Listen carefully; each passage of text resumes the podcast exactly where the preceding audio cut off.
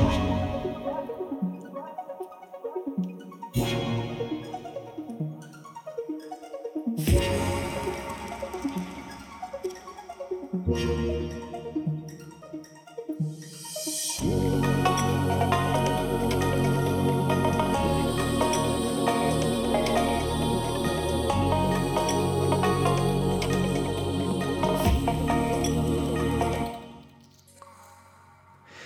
Hej och välkommen till Hotspot!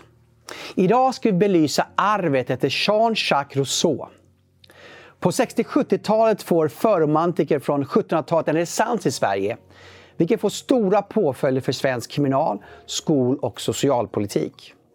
Många är medvetna om det idéarv som lever vidare från Karl Marx genom nyvänsterns framgångar under samma tid.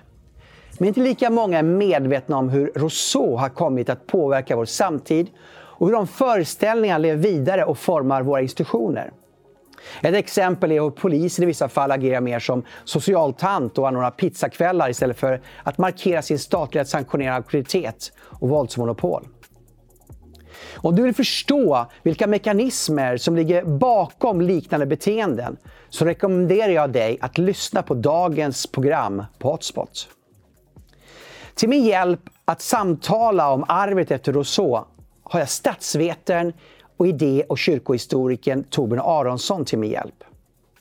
Välkommen till dagens samtal. Hej och välkommen Torbjörn Aronsson till Hotspot igen. Tackar så mycket. Du har ju varit här och varit en flitig besökare under förra säsongen. Ja. Bland annat gjorde vi ett program om arvet efter Marx ja. som varit väldigt populärt. Just det. Och idag ska vi tala om en annan filosof och tänkare, ja. Eh, Jean-Jacques Rousseau. Ja. Uh, och jag skulle fråga dig Torbjörn, varför är det relevant att tala om en filosof som levde för 250 år sedan i Sverige idag? Ja, det, när man närmar sig en filosofs texter mm. eller en, en, en person som har varit viktig för idéutveckling så kan man göra det från tre olika håll.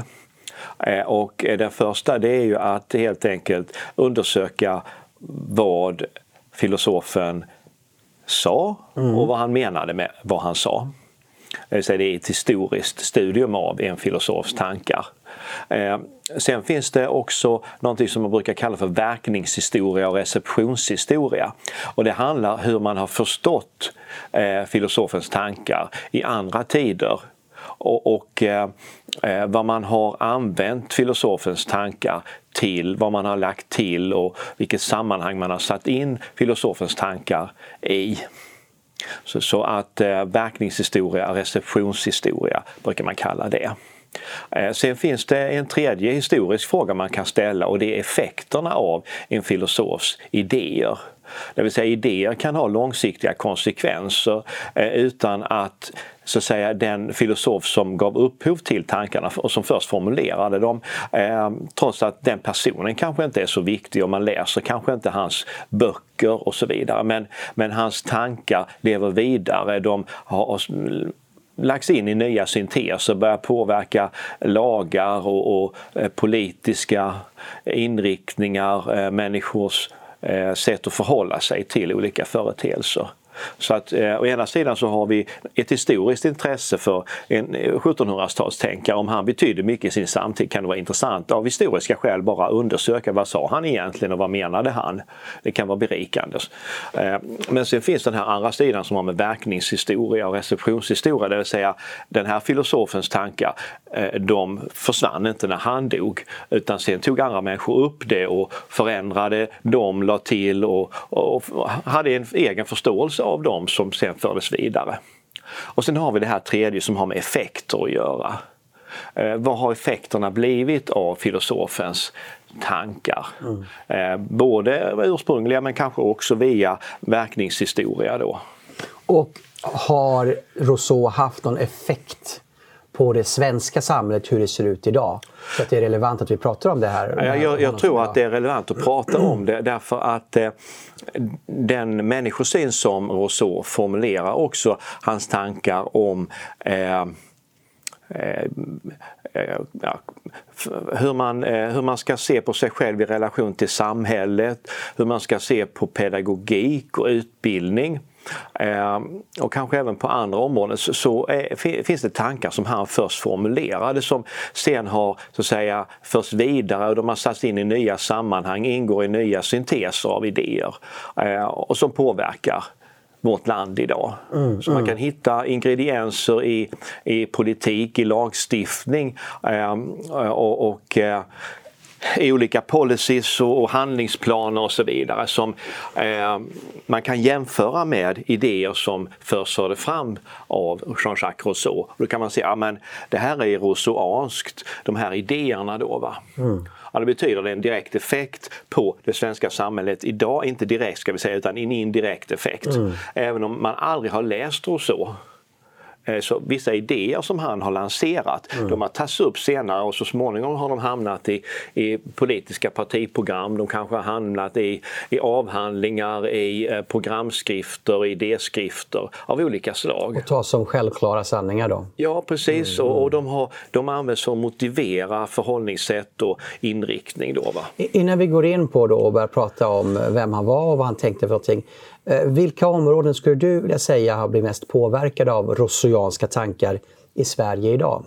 Alltså dels så, så, menar jag att det finns ett område som har med demokratiteori eh, eller demokratitänkande i Sverige idag som, som har rötter hos Rousseau och som vi kan se i den svenska regeringsformen bland annat och också på eh, demokratiinslag på olika samhällsområden.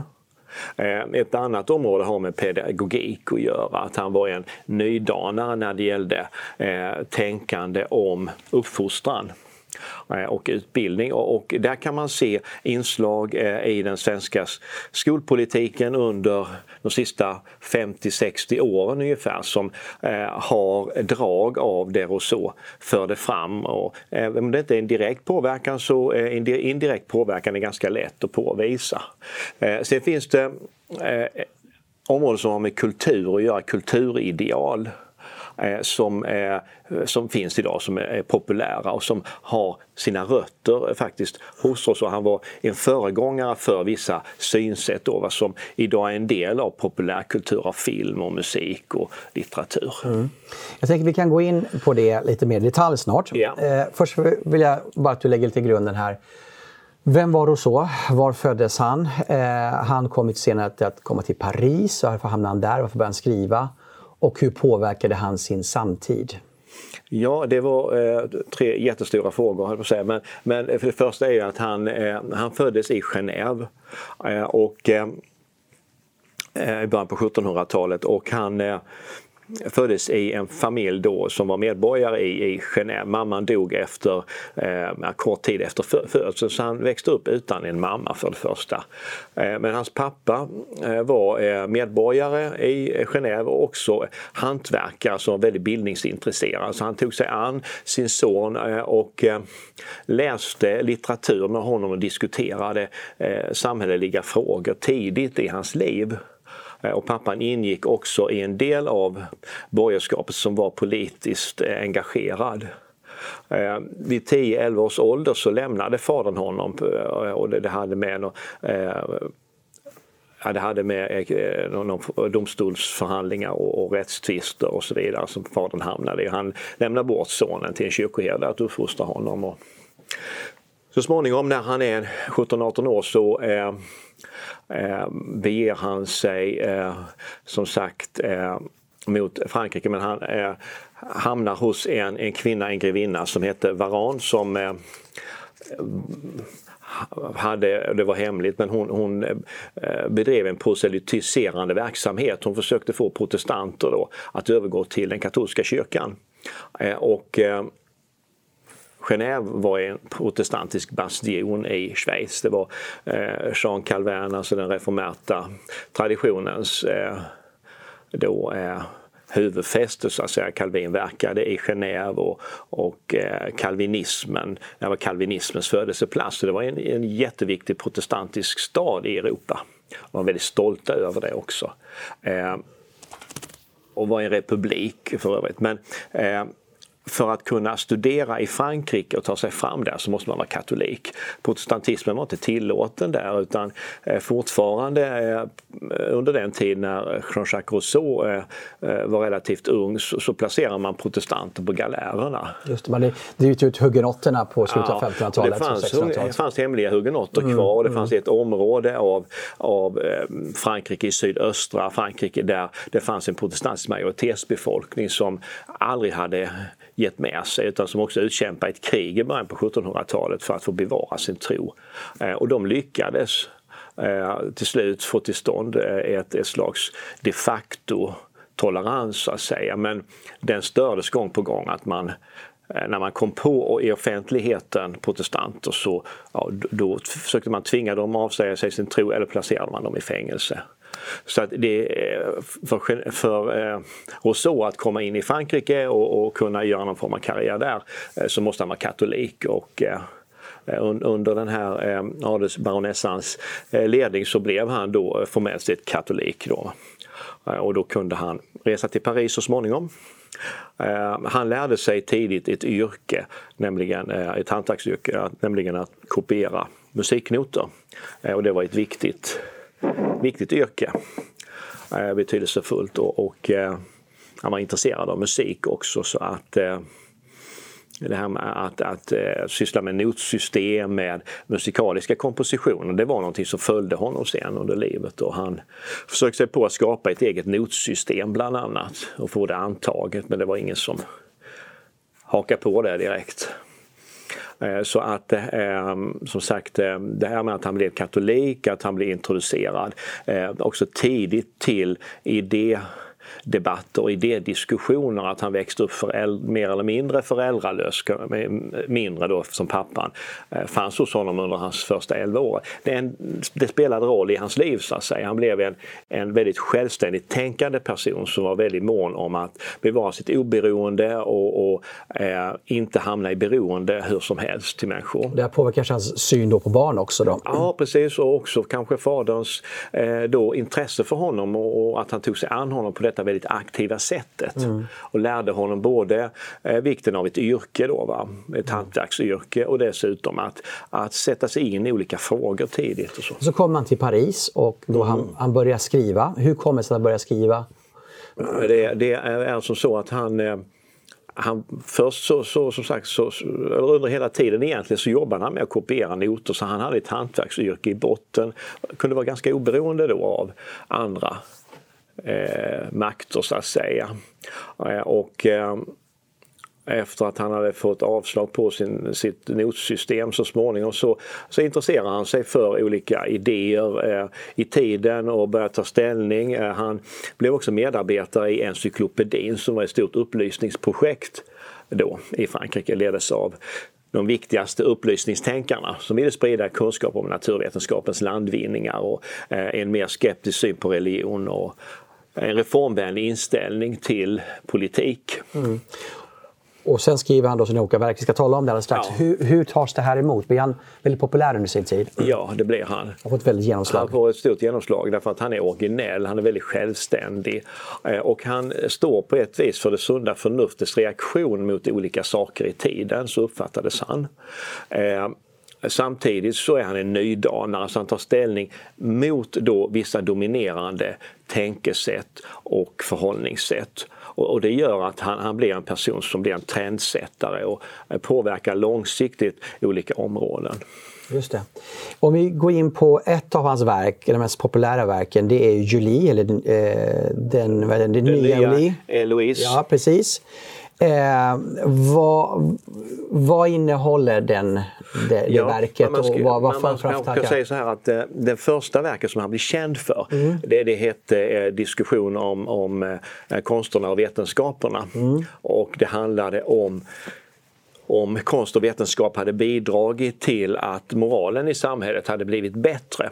Alltså man var väldigt intresserad av eh, tanken på framåtskridande. Man tänkte sig att eh, med, med, med, eh, med, att naturvetenskapen hade gjort sådana stora genombrott och det började påverka olika delar av samhället, att utbildningsnivån började stiga, att man fick en mer förfinad konst och kontakt mellan olika länder, så skulle människan bli bättre. Hon skulle mm. bli mer moraliskt eh, pålitlig och så vidare. Sederna skulle förbättras.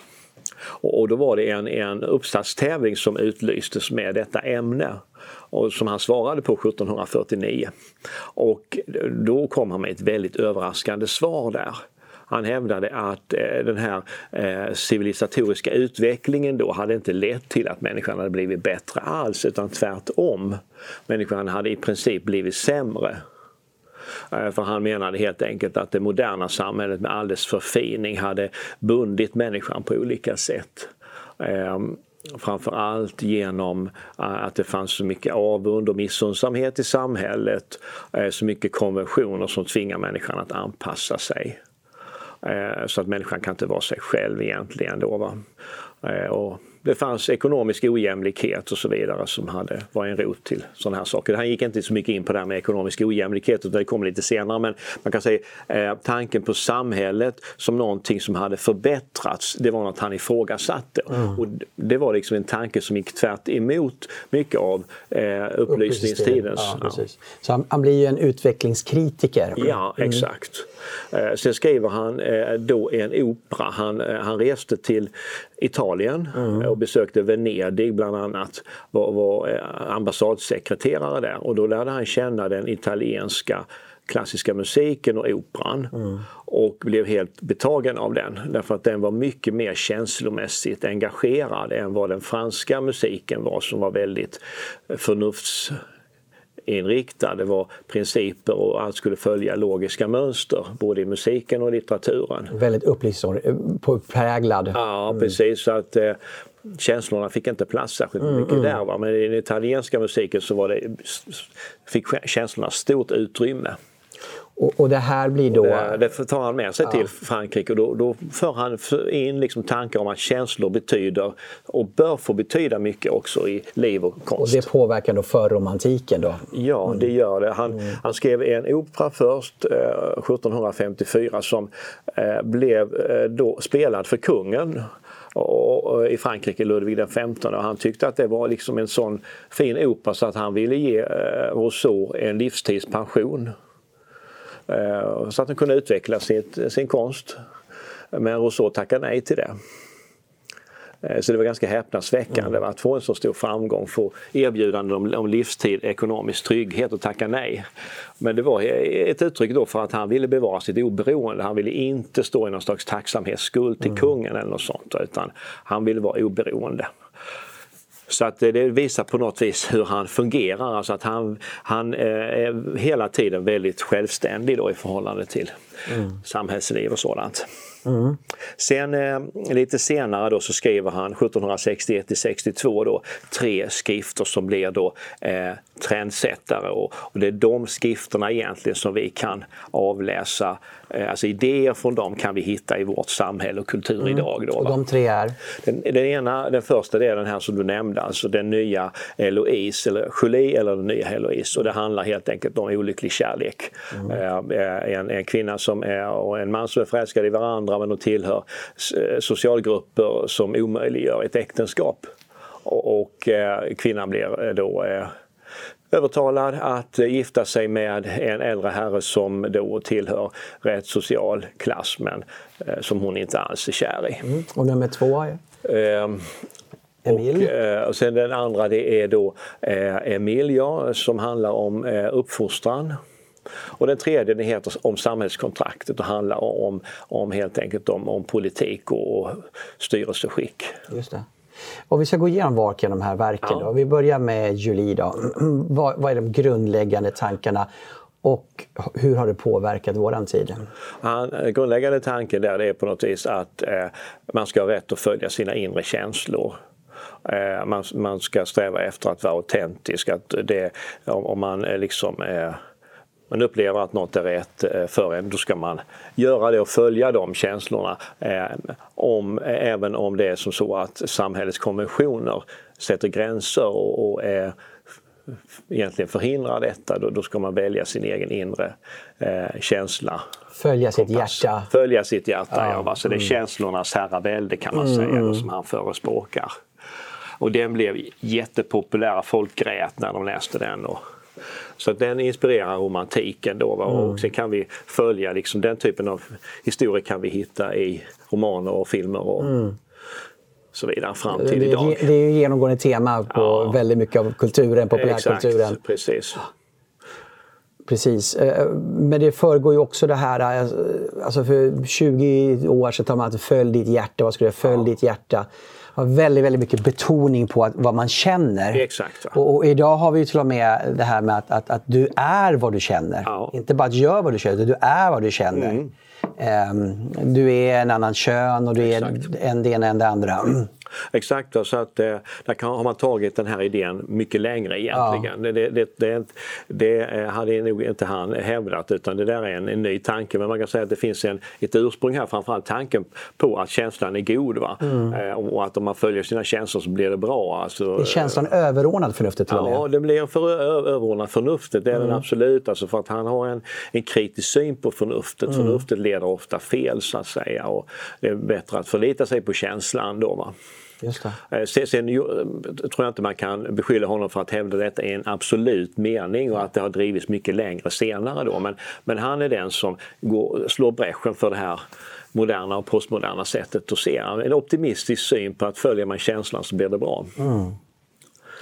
Eh, men han är också upplysningskritiker som du nämnde ja. i, då, i hans första skrift. Där, alltså att, att vara tillbaka till det lantliga. Ja, eh, man talar ju ofta att han talar om den ädla vilden. Ja. Eh, civilisationskritik.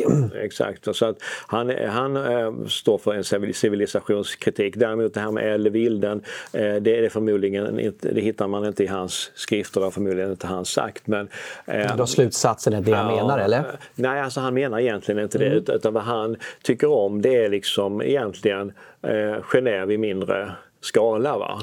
Alltså ett, ett enkelt eh, liv i ett litet samhälle på landet ungefär. Eh, och eh, där man eh, respekterar varandra och är villig att samverka med varandra skulle man kunna säga. Så det är småskalighet. På mm. 70-talet så var det eh, populärt eh, med frasen, det var en författare som också skrev en bok med, med den titeln, att eh, litet är vackert. Mm.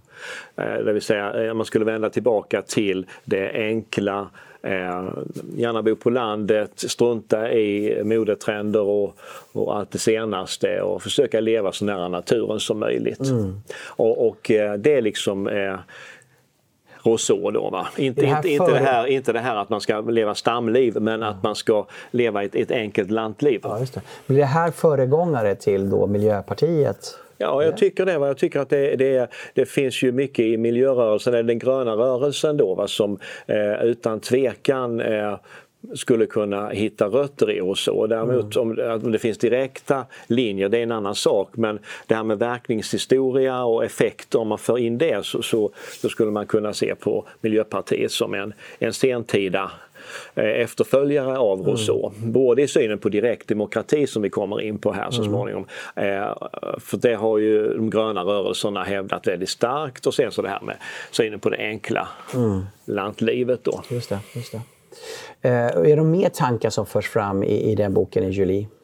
Nej, det är primärt det det handlar det. om så att säga. Så att han, eh, han valde ju sina ämnen rätt. Alltså han, är, han går emot eh, saker i tidsandan. Eh, samtidigt så är det idéer som ligger latenta och som väldigt många har lätt att ta till sig. Mm. Så egentligen kom man ju rätt i tiden för motreaktion ja. mot upplysningstiden som Exakt. har ju pågått nu ett tag. Exakt, mm. absolut. Och, och, och, eh, och alienationen också är också ett ja. genomgående tema va? Det blir en slags, alltså det här med när han, när han blev civilisationskritiker så blir också det här med alienation egentligen. Mm. Även om inte han använder ordet så blir det någonting som han representerar då. Mm. Alltså han, han menar att människan genom civilisation och, och samhällsförändring i moderniserande riktning eh, blir mer och mer främmande här, för varandra och för samhället. Det är här som liksom Karl Marx sen plockar upp, för alienation är ju ett genomgående ja, tema i hans skrifter också. Exakt, alltså att, eh, man kan hitta likheter mellan Rousseau och Marx på en rad områden. Mm. Då, Sen finns det andra områden det finns inga likheter alls. Alltså. Inspirerar Rousseau Marx eller är det bara att de har liknande tankar? Ja, det är, är nog eh, som så att det har gått i flera led. Mm. Eh, men det, det, är en idéhistorisk fråga och förmodligen så läste inte Marx Rousseau särskilt mycket. Han läste antika filosofer och Hegel framförallt. Eh, men eh, som sagt eh, han har inte lika optimistisk människosyn som Rousseau utan han kan vara, han är mera, han är samhällskritisk precis som Rousseau. Men han tror samtidigt att samhället kan förbättras och moderniseras i en positiv riktning. Det trodde inte Rousseau. Så att Marx tror att människan kan förvandlas egentligen moraliskt och att allt kan gå bra när en modernisering slår igenom. Då, va? Det tror inte Rousseau egentligen på. Just det. Han tror snarare att går man tillbaka ja, till det enkla, det är, där, det är där harmonin ja, hos människan finns. Exakt. Va? Just det. Det är det naturliga. Just det. Eh, sen har vi då eh, eh Emil, hans ja. bok om, om barnuppfostran. Eh, kan du berätta lite kort hans tankar? Ja, alltså han, eh, han menar att eh, man ska inte ha så strikta normer eh, kring det här med barnuppfostran utan det ska vara ganska fri. Barnet ska få lära sig genom sina erfarenheter. Eh, och sen så betonar han också att det är viktigt att när man kommer upp i tonåren så ska man eh, lära sig ett yrke, ett hantverksyrke. Eh, och han betonar också så småningom vikten av att man introduceras till det andra könet. Så att det här med pojkar och flickor, det tycker han var viktigt. Mm. Man, han, var, han, han, han, var en sak som inte finns lika förekommande i vårt svenska samhälle. Han var ja. antifeminist skulle man kunna säga. Han menar ju då att kvinnorna skulle vara hemma, de skulle ja. inte ha roller i samhället. Exakt. Men de hade en annan roll som han tyckte ändå var viktigt. Det var att uppfostra barnen och på det sättet så Ja, alltså han tyckte nog att de skulle finnas med där men ja. han ville nog ha männen med där också så att säga. Så att han menade att, att barn skulle få lära sig av sina erfarenheter, mm. få fråga sig fram och lära sig av olika eh, erfarenheter de gjorde. Eh, och eh, han tog avstånd från den här tanken på en strikt reglerad eh, skolgång som man hade på den tiden. Eh, och fysisk eh, bestraffning och sådana där saker. Det var det mm. Och, och, och, när du nämnde det här, då ser jag ju stora eh, hur den svenska skolan och, och agaförbudet som kom 79. Ja. Är det här tankar då som, som Rousseau har påverkat det svenska politiska beslutet kring? Ja, alltså jag tror alltså indirekt så, är, så, ja. så, finns, det, finns det en länk här då. Eh, vi har inte kommit in på hans syn på demokrati och, och samhällsbygge men eh, det finns i den socialdemokratiska idétraditionen så finns det eh, inslag då som, eh, som är rousseauanska då. Även om det inte är direkt så är det indirekt idéer som, som har rötter hos Rousseau, bland annat en väldigt optimistisk människosyn.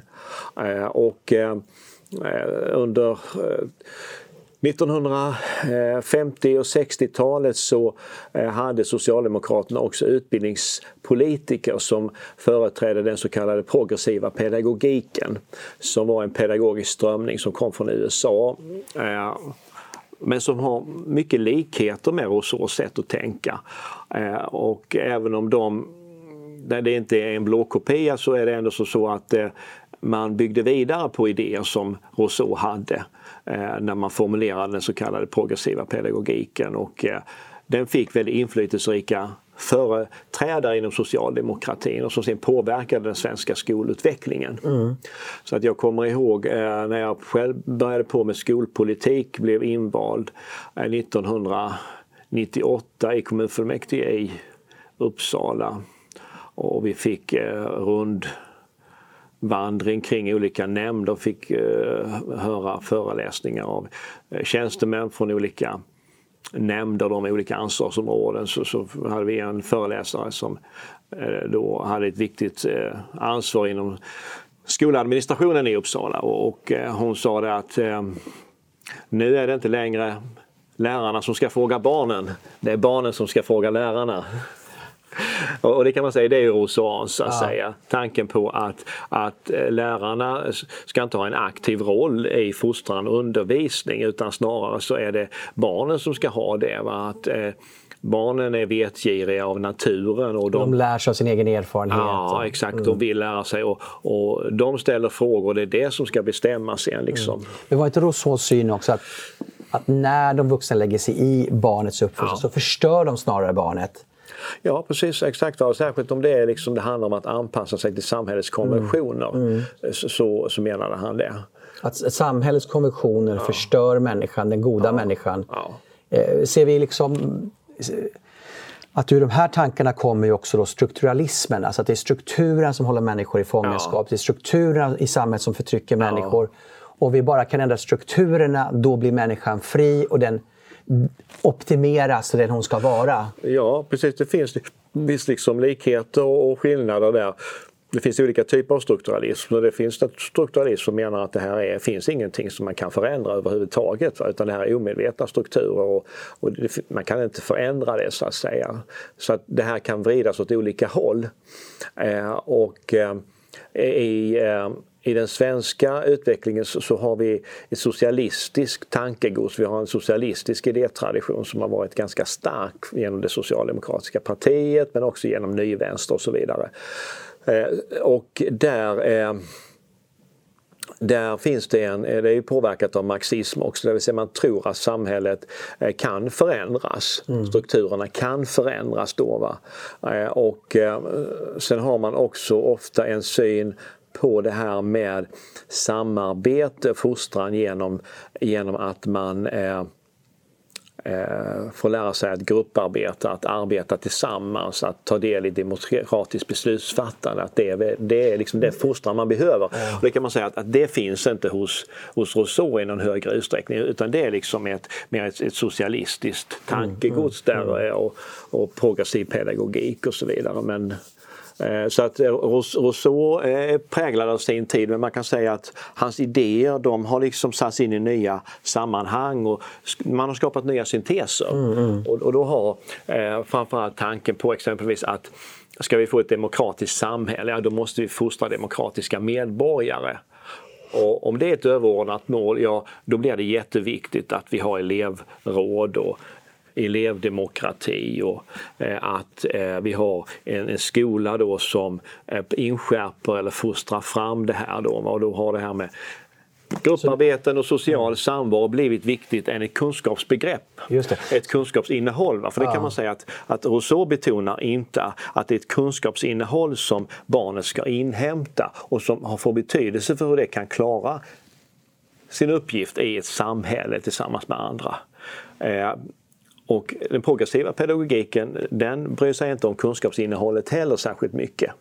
Så man kan säga att kunskapsinnehållet i undervisning och skola det är någonting som har eh, tonas ner i svensk skolpolitik under flera decennier och sen har det kommit en reaktion mot det här mm. också på 2000-talet och det har varit en stor strid och är en strid kring detta i Sverige. Den progressiva skolan handlar mer om att fostra en viss sorts medborgare? Ja exakt. Ja. exakt. Mm. Och, och, det betyder att, att kunskapsinnehållet mm. eh, och lärarens roll att förmedla kunskapen det är någonting som man nästan avskriver, man tycker inte det är viktigt. Va?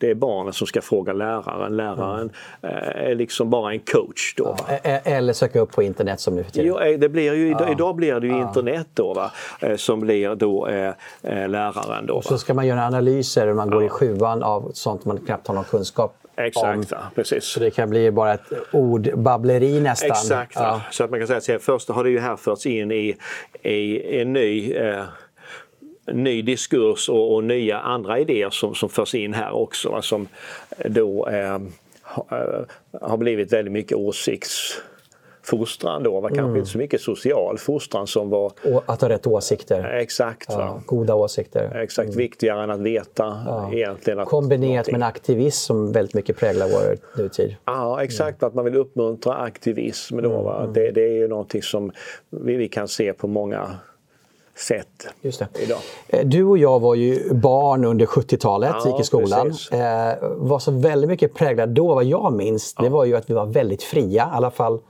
jag som Stockholms kis, eller så här, Stockholmsunge, var väldigt, väldigt fri i min uppfostran minns jag. Eh, det här är väl också någonting rosaant, det här med fria uppfostran och man hade Skå-Gustav som säger att vill barnen spika i pianot får de spika ja. pianot. Precis, så att det, är, det finns ju en, det finns en ekonomhistoriker som heter Gabriel Heller Sahlgren som har hävdat att eh, någonting som skiljer den svenska skolan från, från andra.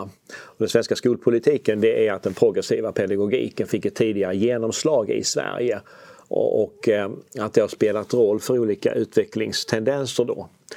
Eh, och eh, det är ett faktum att, att det introducerades tidigt efter andra världskriget. Eh, och sen fick vi då också en stark argumentation mot aga i Sverige som olika sekvenser då förbjöds. Först så småningom det förbjöds i skola och sen så förbjöds det i hem så småningom också.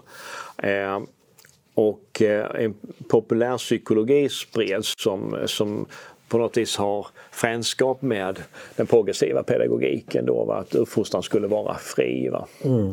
Ungarna skulle få göra vad de ville och då, då skulle de liksom hitta vad som var rätt och fel och mm. hitta sin väg och bli lyckliga människor. Mm. Just. Då, men äh, jag tror att det, det, fick nog genomslag på olika sätt och det kom stark reaktion mot det också. Men mm. det var, har varit en trend i det svenska samhället och äh, ligger som ett lager. Va? Det är vissa saker som, som Ehm, på något vis man inte får ifrågasätta. Att, att hävda behovet av fostran var länge tabu då. Va?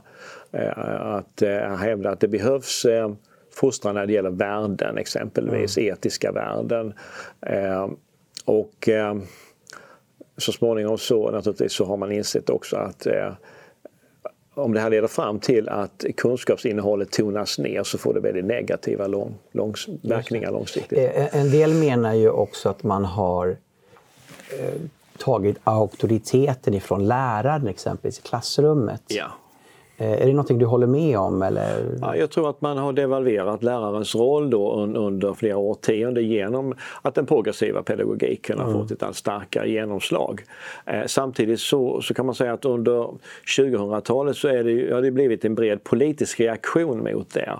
Eh, och vi har Lgr Eh, alltså man kan säga i både LG, eh, LG vad heter det nu, eh, läroplanen 1994, LPO 94 tror jag den heter, och sen Lgr 2011 så finns det inslag som går tvärs emot den mm. progressiva pedagogiken.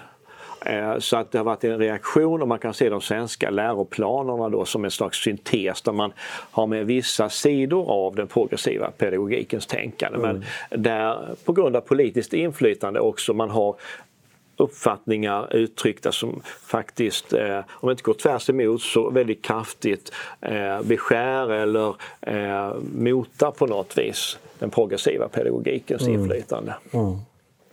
Eh, men också i, i Emil så kan vi också se den här synen på människan. att Människan innerst inne är god. Det är också ett rousseauanskt tänkande, ja, det här humanismen. Ja. Eh, där människan kunna... är i centrum, människan är innerst inne god och har goda intentioner. Han talar mycket om medkänslan. Mm. Att medkänslan är en drivkraft mellan människor. Mm, exakt. Så att eh, det viktigaste långsiktiga inflytandet från Rousseau, det, det tror jag är då hans eh, hans då eh, optimistiska människosyn. Eh, ibland talar man om sekulärhumanism men Rousseau var inte ateist, han tog avstånd från ateisten så att det är inte en ateistisk eh, humanism sekulärhumanism som mm. han hävdar utan eh, det är en, en syn på människan som är väldigt optimistisk. Människan är god från början så att säga. Och sen är det mer samhället som förvrider människan och, och hon behöver på något vis hitta tillbaka till sitt jag eller sitt äkta sin äkta identitet. Då, va? Och om man behandlar människan väldigt bra så tar man fram det goda. Ja. Jag tänker på själv, man har ju läst Bamse. Va? Och Bamse är ju då snäll mot stora stygga vargen. Ja, ja, och han blir då, eh, vad nu heter för något, jag minns inte vad han heter, den här svarta vargen där. Och så blir han ju snäll då och ja, med i Tuffingarnas klubb och så vidare. Att, att den, den synen har ju präglats av som ända från barn. Att, att om vi bara är snälla så blir de också snälla. Det har ju också påverkat den svenska kriminalpolitiken. Man bjuder kriminella gäng på pizza och och, och varmkorv och då ska de sluta råna och langa ja. knark och så. Man kan väl säga så här att, mm. att, man ska inte skylla Rousseau för det. Nej. För att, att så orealistisk var han inte. Nej. Utan han är en trendsättare och han i förhållande till sin samtid så var det många som tyckte att han representerar, han är å ena sidan lite grann på tvären och svår men han å andra sidan lite grann av sunda förnuftet. Va? Alltså eh, istället för de här benhårda sociala konventionerna som man hade då, va? att man inte skulle förgifta sig över samhällsklassen så hävdar han det. Va? Eh, och eh, han tycker det är överdrivet med den här upplysningsoptimismen när det är samhällsutveckling. Det var många som kunde tycka det var, var, var sunt eh, och eh, att han tog avstånd från eh, också då att eh, en, en, en skolgång som, där det ingick mycket fysisk bestraffning och var väldigt reglementerad och sådär. Så kan man tycka att ja, men han är en, det är en bra reaktion på något vis. Va? Eh, så att han, eh, han, han eh, representerar trend, en, en nya trender mm. och börjar tänka på ett nytt mot sätt. Reaktion mot överdrifter. Mm. Exakt, och sen mm. så kan man säga så förs hans idéer vidare sen och de sätts in i nya synteser. Det blir nya överdrifter. Ja, det blir nya överdrifter va, som eh, går långt. Jag tror att, att marxism och socialism har, då, eh, har en del rötter hos Rousseau. Sen har det har deras syn på både det moderna samhället och på samhällsutveckling eh, spelar stor roll i hur man har utformat då. Mm. Kriminalpolitiken exempelvis ja. och andra saker. Va? Men eh, vad, som häng, vad som förenar det är då synen på att människan är i grunden god. Mm. Eh, hon behöver vård, inte straff exempelvis. Eh, så att tanken på att eh, att straff ska vara avskräckande exempelvis och att de ska vara tillräckligt hårda för att bli avskräckande. Det har man avvisat mm. väldigt kraftigt. man kallar det för kriminalvård idag. Ja, inte, exakt. In, inte straff om man ska få ord utan det är man ska vårda de kriminella. exakt. Va? Och självklart blir ju alla förtjänta av att kriminella slutar vara kriminella, självklart. Ja. Men, men, men, det är själva synen på... Ja. Eh, det finns en, en återspelare är ju också inte bara en tro på att människan i grunden är god utan också eh, en, en övertro på olika eh, terapeutiska tekniker eller vård och sånt. Va? Att, att vetenskapen kan skapa liksom metoder för vård mm. som gör att människan eh, blir bättre, så att säga, blir mindre kriminell. Mm. Eh, om jag skulle konstatera, kon, ja. konstatera lite grann här den rousseauanska synen, eller i alla ja. fall man har fört fram då att människan innerst inne är god, eh, kontra den kristna synen. Ja. Hur, hur skulle du konstatera de här två och vad får det för konsekvenser? Ja, exakt. Så att den traditionella västerländska människosynen eh, som, eh, där, den, där eh, den kristna tron och kristna människosynen spelat en väldigt central roll. Där är, är ju människan moraliskt ofullkomlig. Det var man överens om i den grekiska, eh, de grekiska filosoferna. De var överens med de kristna om att människan, eh, hon är inte eh, moraliskt eh, okej okay, så att säga, utan människan gör knäppa grejer och hon är moraliskt svag. Hon gör fel mot både sig själv och andra och gudarna, eller Gud. Eh, och eh, den kristna teologin skärper det här genom att, understryka att, att det här har med ytterst sett med människans relation till Gud att göra.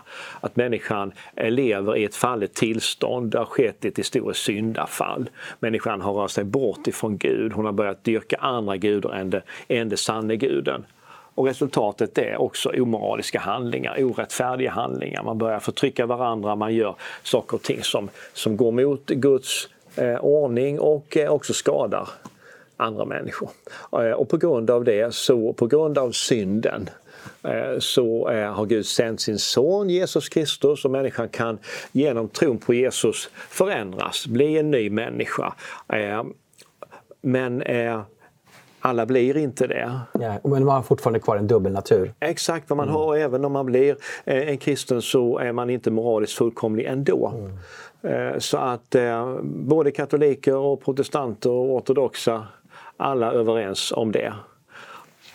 Att det behövs en, en överhet, det behövs en ordningsmakt, det behövs fostran så att säga. Mm. Det finns beskrivet i Bibeln och erfarenheten har då varit en viktig grogrund. Så att, så att det var liksom den traditionella västerländska uppfattningen och det var den som Rousseau då utmanade.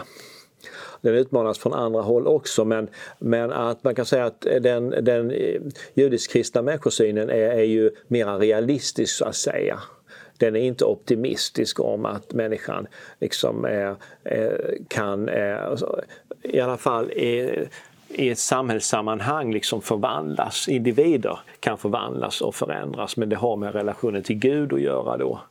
Eh, och urtillståndet, så att människans naturliga tillstånd är inte så att säga eh, att hon är god och att samhället förtrycker. Samhället kan, kan vara ont, eh, absolut, och det kan finnas onda saker i det mm. på grund av synden och, och, på något vis så finns då kyrkan, eh, Guds bud, Bibeln, finns där som en motkraft mot det onda i samhället mm. också. Så, så det är att, att Rousseau säger roten till det onda är förtrycket i samhället. Exakt. Medan det kristna menar att roten till det onda den finns i oss själva på grund av vår dubbelnatur. Ja, det finns, man kan säga att människans, eh, människans eh, har en, eh, en syndarnatur. Hon har mm. en, en vilja att leva oberoende av Gud och, och det är liksom roten till det onda. Sen finns det andra orsaker också som kan förstärka detta då. Eh, och det kan mildras på olika sätt men eh, den enda radikala botemedlet det är frälsningen i Jesus Kristus med syndernas förlåtelse. Jesus Kristus som dog för människans synder eh, och när man sätter tro till hans död och uppståndelse så sker det en förvandling. Man mm. förändras som människa. Mm. Jesus Kristus kommer in i ens liv. Och, eh... Just det. Eh, och vi talar i en tredje bok också om ja. samhällskontraktet som han skriver 1960, 1762. Ja. Eh, vad är det för grundläggande tankar som Rousseau eh, för fram där och hur har det påverkat vår nutid? Där kom vi in på ett av de områden som, som är, är väldigt stort. Då, va? och, och eh, i samhällsfördraget och samhällskontraktet så tecknar han en bild då av ett demokratiskt beslutsfattande. Eh, och han menar att det är genom en form av, av demokratisk beslutsform i ett samhälle som människor kan eh, leva som fria, myndiga medborgare i ett samhälle. Så att eh, Deltagande i demokratiskt beslutsfattande det gör att människor kan vara med och stifta de lagar som sen eh, då eh, styr eh, samhället och genom att hon är delaktig i stiftandet av lagar för samhället så är hon i praktiken med och styr sig själv. Mm. Eh, så att eh, demokratin då, särskilt direktdemokratin därför att Rousseau tog avstånd från tanken på representativ demokrati. Direktdemokratin är på något vis nyckeln till att människor kan leva både som eh, fria människor men också som en del av en samhällsgemenskap. Men han menar väl att det här var bara möjligt i mindre gemenskaper, som ja, Genève där han kommer ifrån? Exakt, precis. Det, var, det, det, det var bara möjligt i mindre i mindre sammanhang då, så att han var inte särskilt optimistisk. Han har ju ett ord som, som är centralt i det här och ja. det är ju allmänviljan. Ja. Alltså vad man gemensamt kommer fram till. Precis. Eh, och, det här, och han säger ju också att allmänviljan är ju förnuftig. Ja. Och är det bästa för alla för människor. Alltså i samhällskontraktet. Jag, jag ger upp en del av min frihet därför ja. att ge mig massor med nya fördelar. Det är John Locke och, ja. och, och, så vidare som, som också företräder det. Men, eh, men han sa ju också att, att om man inte ger sig till allmänviljan ja. och majoritetens beslut så ska man tvingas till frihet. Har inte det här också varit någonting som då olika diktaturer som Lenin och andra har då tagit som en förevändning. Och Robespierre under franska revolutionen. Ja. Att man skulle tvingas till den goda allmänna, förnuftiga allmänviljan. Jo, precis. Så att det här kommer man in på hela det här komplexet med som vi pratade om i början. Då, att å ena sidan har vi vad Rousseau själv skrev och menade. Och, och sen har vi verkningshistorien, hur man läste och förstod hans tänkande och sen så hur man då omsatte det och vilka effekter det fick. Så allt det här får man ta med i beräkningen då. Och det finns eh, två olika tolkningar av, av Rousseaus då syn på det här med det här begreppet allmän vilja. Då. Och det ena det, det, är ju att Rousseau här förespråkar en form av totalitär demokrati, eller åtminstone föregår det då, va? genom att han för in ett begrepp som heter allmän vilja och som är då ett, ett, eh, ett samhällsintresse som är något annat än individernas intressen. Han menar det att som individer så kan vi ha egoistiska intressen som om vi följer vid dem, om alla satsar på sig själva mm. Eh, och, och röstar utifrån det, då får vi då får vi liksom eh, ett egenintresse som dominerar över allmänintresset. Alltså vi får vissa individers intressen som kommer då att tillgodoses och sen så kommer det att vara orättvisa i samhället. Och så då är frågan hur ska man kunna hur kan man komma till en, en, en demokrati där man inte strävar efter att tillgodose de här egenintressena? Och ehm, eh, då, då, då, menar, då finns det två tolkningar av honom när han för in begreppet allmänvilja. Den ena är att människor helt enkelt när man sätter sig i en beslutande församling och börjar diskutera vad är bäst för samhället här så har man förmågan att bortse från sina egna privata intressen eh, och, man kan diskutera vad som är bäst för samhället och komma fram till det och besluta om det och då kan man uppnå en slags kollektiv rationalitet. Eh, och den här är inte absolut eller fullkomlig men det är någonting annat än bara eh, egenintressets triumf så att säga.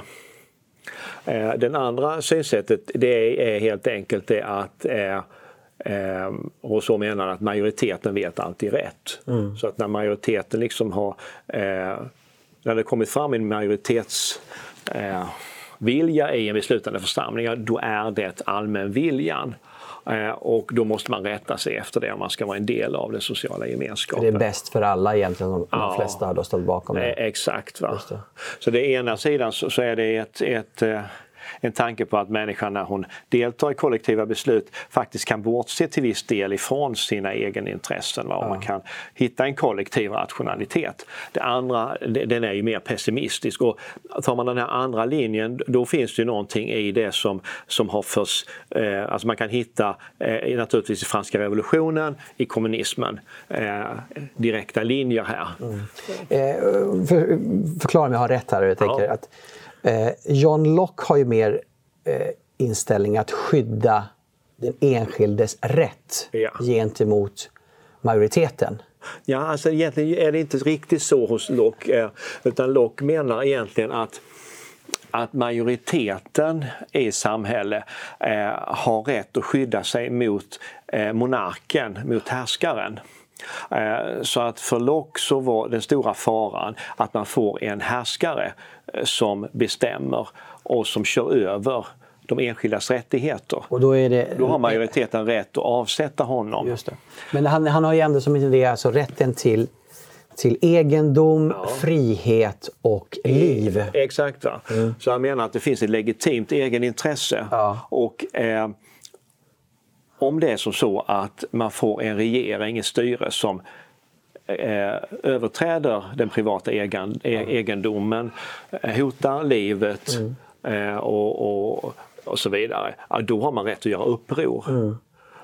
Då hävdade andra i hans samtid att antingen så hade man inte rätt till det därför att var man en del av samhället, ja då ingick det i det att man underkastar sig. Mm auktoriteten. Och så fanns det också eh, de som hävdade att fadersauktoriteten var grunden för den politiska auktoriteten och, och eh, man måste helt enkelt följa den för att annars följer, mm. ramlar samhället sönder. Så att Locke, eh, Locke är intressant. Man kan säga att Rousseau han, han för in andra eh, han ligger inte så långt ifrån Locke egentligen men han, han betonar betydelsen då av egentligen att man, man diskuterar och, och eh, besluta tillsammans i en demokrati. Då, va?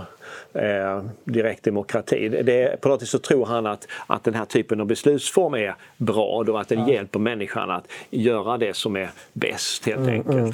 Ja, vi har ett konkret exempel idag. Då. Vi, ja. har, vi har hela coronastrategin. Exakt. Eh, du har eh, allmänviljan, ja. folks hälsa, skydda människor kontra de som vill säga ja, men jag vill skydda min, mitt, mitt företag, jag vill kunna driva det, jag vill inte mm. liksom, lägga ner det och gå konkurs. Eller någon som kanske är tveksam till ja. att ta vaccinerna för att uh, jag är orolig för biverkningar.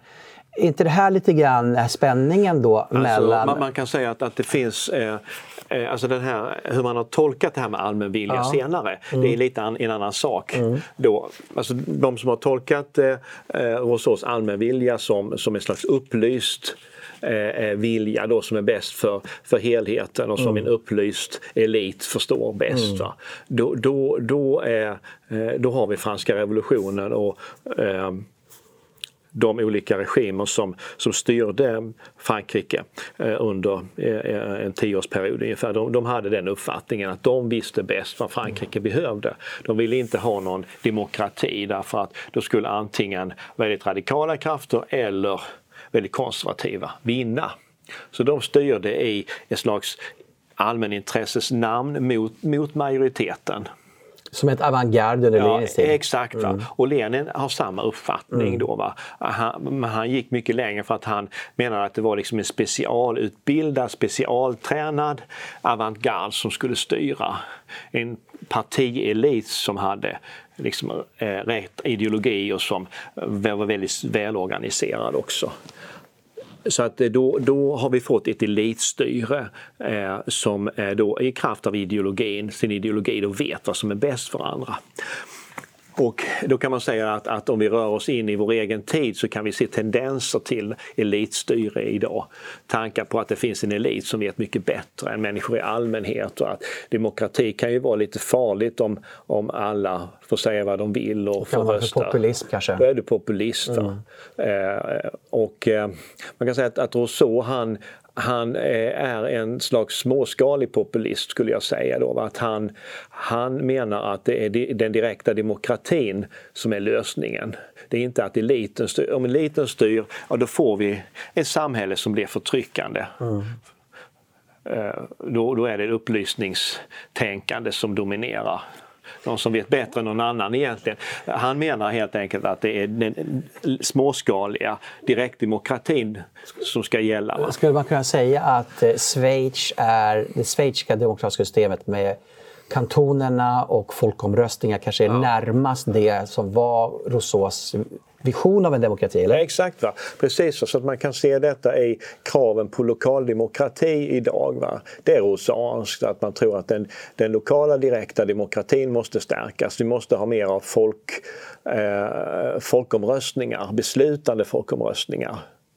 Så att den eliten inte ska kunna liksom och kanske namnlistor till riksdagen ja, också, exakt, kanske lite mer åt det hållet. Exakt, mm. så att där har vi Rousseau. Så att han, han, han var en reaktion mot upplysningsstyret men man kan säga att hans tanke om allmänviljan den har upp, använts ju av väldigt eh, radikala upplysnings eliter under århundradenas lopp. Mm. Både av den franska revolutionens förkämpar men också av kommunism och eh, man, kan dra, mm. man kan ju dra till andra totalitära ideologier också för det har hela tiden funnits tanke på en elit som vet bättre än de andra mm. och som har rätt att styra över de andra slutligen Torbjörn, ja. har, har, du, ser du någon annan tanke? Vi har ju talat nu om de här tre väldigt betydande böckerna ja. och eh, civil eh, utvecklingskritiken. Precis. Finns det någonting annat vi inte har berört tycker du som, som handlar om Ros, eh, tankar och så introducerade som påverkar Sverige idag? Ja, absolut. Alltså jag menar när det gäller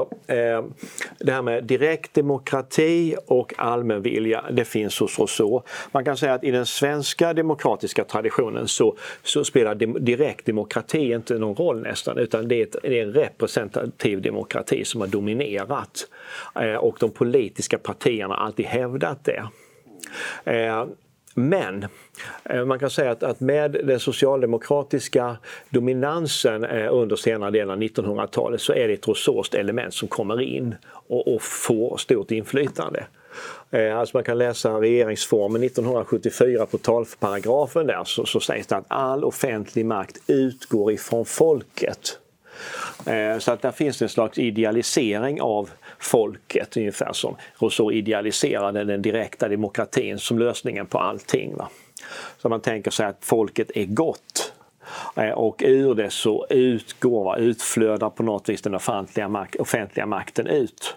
Och det finns inga eh, eh, vill säga, eviga principer Nej. av rätt och fel utan vad folket bestämmer det kan vara vad som helst. Exakt, så ja. att vi har i den, den svenska regeringsformen 1974 hade väldigt svagt eh, svagt skydd för medborgerliga fri och rättigheter. Privat äganderätt fanns inte med. Nej. Eh, och det, det, var ett socialistiskt inflytande direkt så att säga. Mm.